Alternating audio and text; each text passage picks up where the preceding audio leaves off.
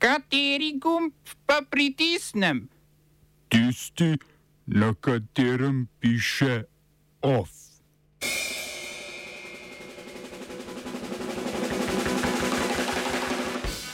Poljska velikopotezno ugradnjo jedrskih elektrarn. Elon Musk tudi uradno postal izvršni direktor Twitterja. V Demokratični republiki Kongo protesti proti milici M23. In še tudi upravno sodišče zavrnilo Patrika Grebla, nesojenega kandidata v Kopru.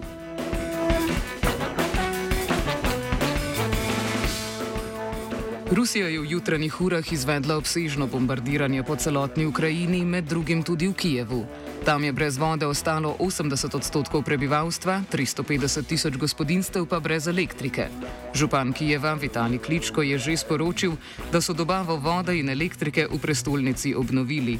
Rusija je medtem zaključila z delno mobilizacijo, je sporočilo rusko obrambno ministrstvo. Predsednik Vladimir Putin dekreta o koncu mobilizacije še ni podpisal. Po podatkih ministerstva je bilo mobiliziranih okoli 300 tisoč posameznikov. Obrambni minister Sergej Šojgu je sporočil, da so 87 tisoč mobiliziranih ljudi že poslali v boj v Ukrajino. Mobilizacijo, ki so jo ruske oblasti sprožile konec septembra, so spremljale stalne napake, po državi so zaradi mobilizacije potekali protesti, prav tako so ljudje bežali v sosednje države.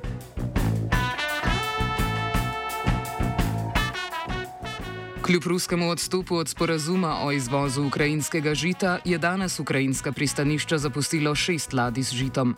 Skupno naj bi jih danes po navedbah koordinacijskega centra v Istanbulu, ki skrbi za koordinacijo rusko-ukrajinskega dogovora o izvozu žita, iz Ukrajine odplulo 12, tja pa naj bi prispele 4.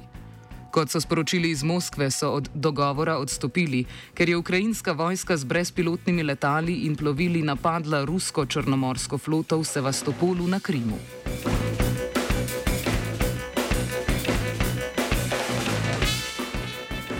Poljska je z Južno Korejo sklenila sporazum o gradnji štirih jedrskih reaktorjev, je sporočil podpredsednik vlade Jacek Sasin. Sasin je dejal, da bo sporazum okrepil energetsko varnost države, ki se trenutno sooča z resnim pomankanjem premoga, kar je posledica evropskih sankcij proti Rusiji.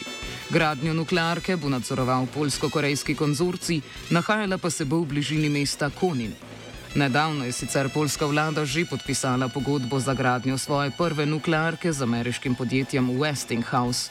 Westinghouse naj bi prvo elektrarno začel graditi leta 2026, nahajala pa se bo ob obali Baltskega morja, 80 km zahodno od Gdanska. Tovarna naj bi z obratovanjem začela leta 2033. Poljska vlada si je sicer zadala zelo ambiciozen jedrski program, v sklopu katerega naj bi do leta 2040 zgradila šest jedrskih reaktorjev. Podjetje Westinghouse pri nas zagotavlja tehnologijo za jedrsko elektrarno Krško in je tudi med kandidati za gradnjo drugega bloka Krške elektrarne.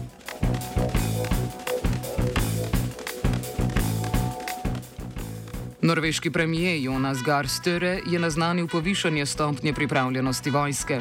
Vojska bo zaradi grožnje, ki naj bi jo predstavljala Rusija, opravljala manj vaj in več operativnih obveznosti.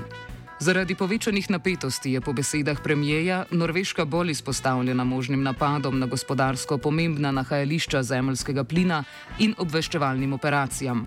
Prav tako bo obseg del povečala norveška narodna zaščita za mobilizacijo rezervistov. V Demokratični republiki Kongo so se odvijali protesti proti milici M23 in njeni domnevni podpornici Ruandi. Milica je v zadnjih dneh zauzela več strateško pomembnih krajev okoli mesta Goma, tik ob meji z Ruando. Vlada v Kinshasi je napredovanje milice označila za povračilni ukrep Ruande, potem ko je iz Kigalija odpoklicala začasnega veleposlanika. M23, ki sicer prihaja iz Konga, njeni člani pa v večini pripadajo etnični skupini Tucijev, je proti koncu leta 2021 ponovno začela odprt konflikt z vojsko Demokratične republike Kongo, saj ta borcev milice ni vključila v svoje vrste, kot je bilo predvideno v mirovnem sporazumu iz leta 2013.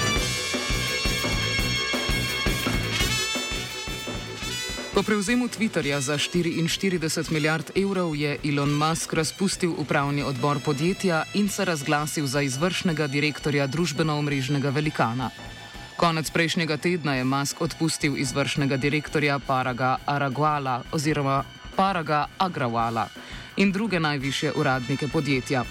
Po Maskovi odločitvi jih je varnostnik podjetja nemudoma pospremil z sedeža Twitterja.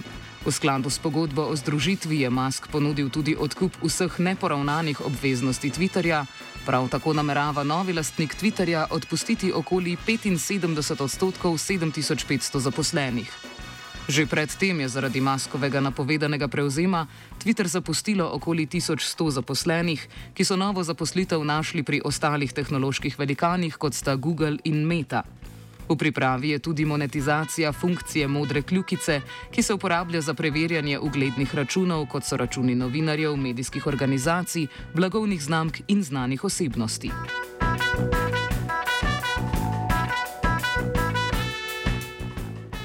Lokalne oblasti v Tokiu so začele izdajati potrdila o partnerstvu istospolnim parom, ki živijo in delajo v japonski prestolnici. Gre za dolgo pričakovano potezo v državi, ki še vedno ne dovoljuje zakonskih zvez istospolnih parov. Status sicer ne prinaša enakih pravic kot zakonska zveza, vendar omogoča, da se partnerji iz LGBT skupnosti obravnavajo enako kot ostali zakonski pari v primeru koriščanja javnih storitev, kot so javna stanovanja, zdravstvo in socialna skrb. Kot je povedala guvernerka Tokija Juriko Koike, je za potrdilo že zaprosilo 137 istospolnih parov. Aktivisti za pravice LGBT na japonskem odločitev pozdravljajo, a dodajajo, da je do popolne enakopravnosti še dolga pot. Še junija letos je sodišče v Osaki razsodilo, da je trenutni položaj LGBT skupnosti kljub očitni diskriminaciji v skladu z ustavo. Smo se osamosvojili, nismo se pa osvobodili. Naslednje štiri leta še 500 projektov. Izpiljene modele, kako so se strani nekdanje LDS rotirali. Ko to dvoje zmešamo v pravilno zmes, dobimo zgodbo o uspehu. Takemu političnemu razvoju se reče udar. Jaz to vem, da je nezakonito, ampak kaj nam pa ostane? Brutalni obračun s politično korupcijo. To je Slovenija, tukaj je naša zemlja, to je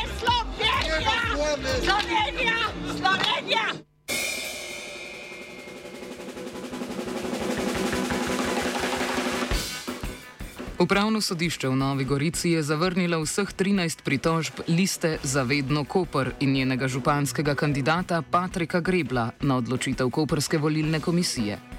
Kot je pojasnil predsednik volilne komisije Miloš Senčur, so kandidature za župana in svetniške stolčke izločili, ker kandidati niso bili določeni s tajnim glasovanjem, kot določa zakon.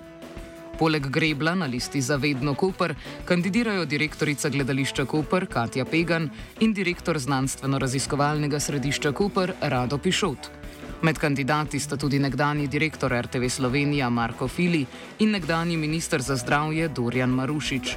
V Kopru bo tako šest kandidatov za župana. Gibanje Svoboda podpira aktualnega župana Aleša Bržana, za stranko Zaupanje kandidira Petr Bolčič, za stranko Levico Alen Medveš, za SDS Igor Culja, za SD Jadranka Šturm Kocjan, Boris Popovič pa bo kandidiral za listo Koper je naš.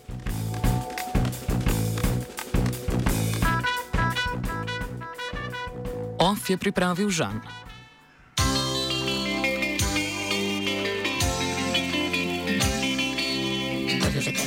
Študent 89,3 MHz. Od nas do vašega srca.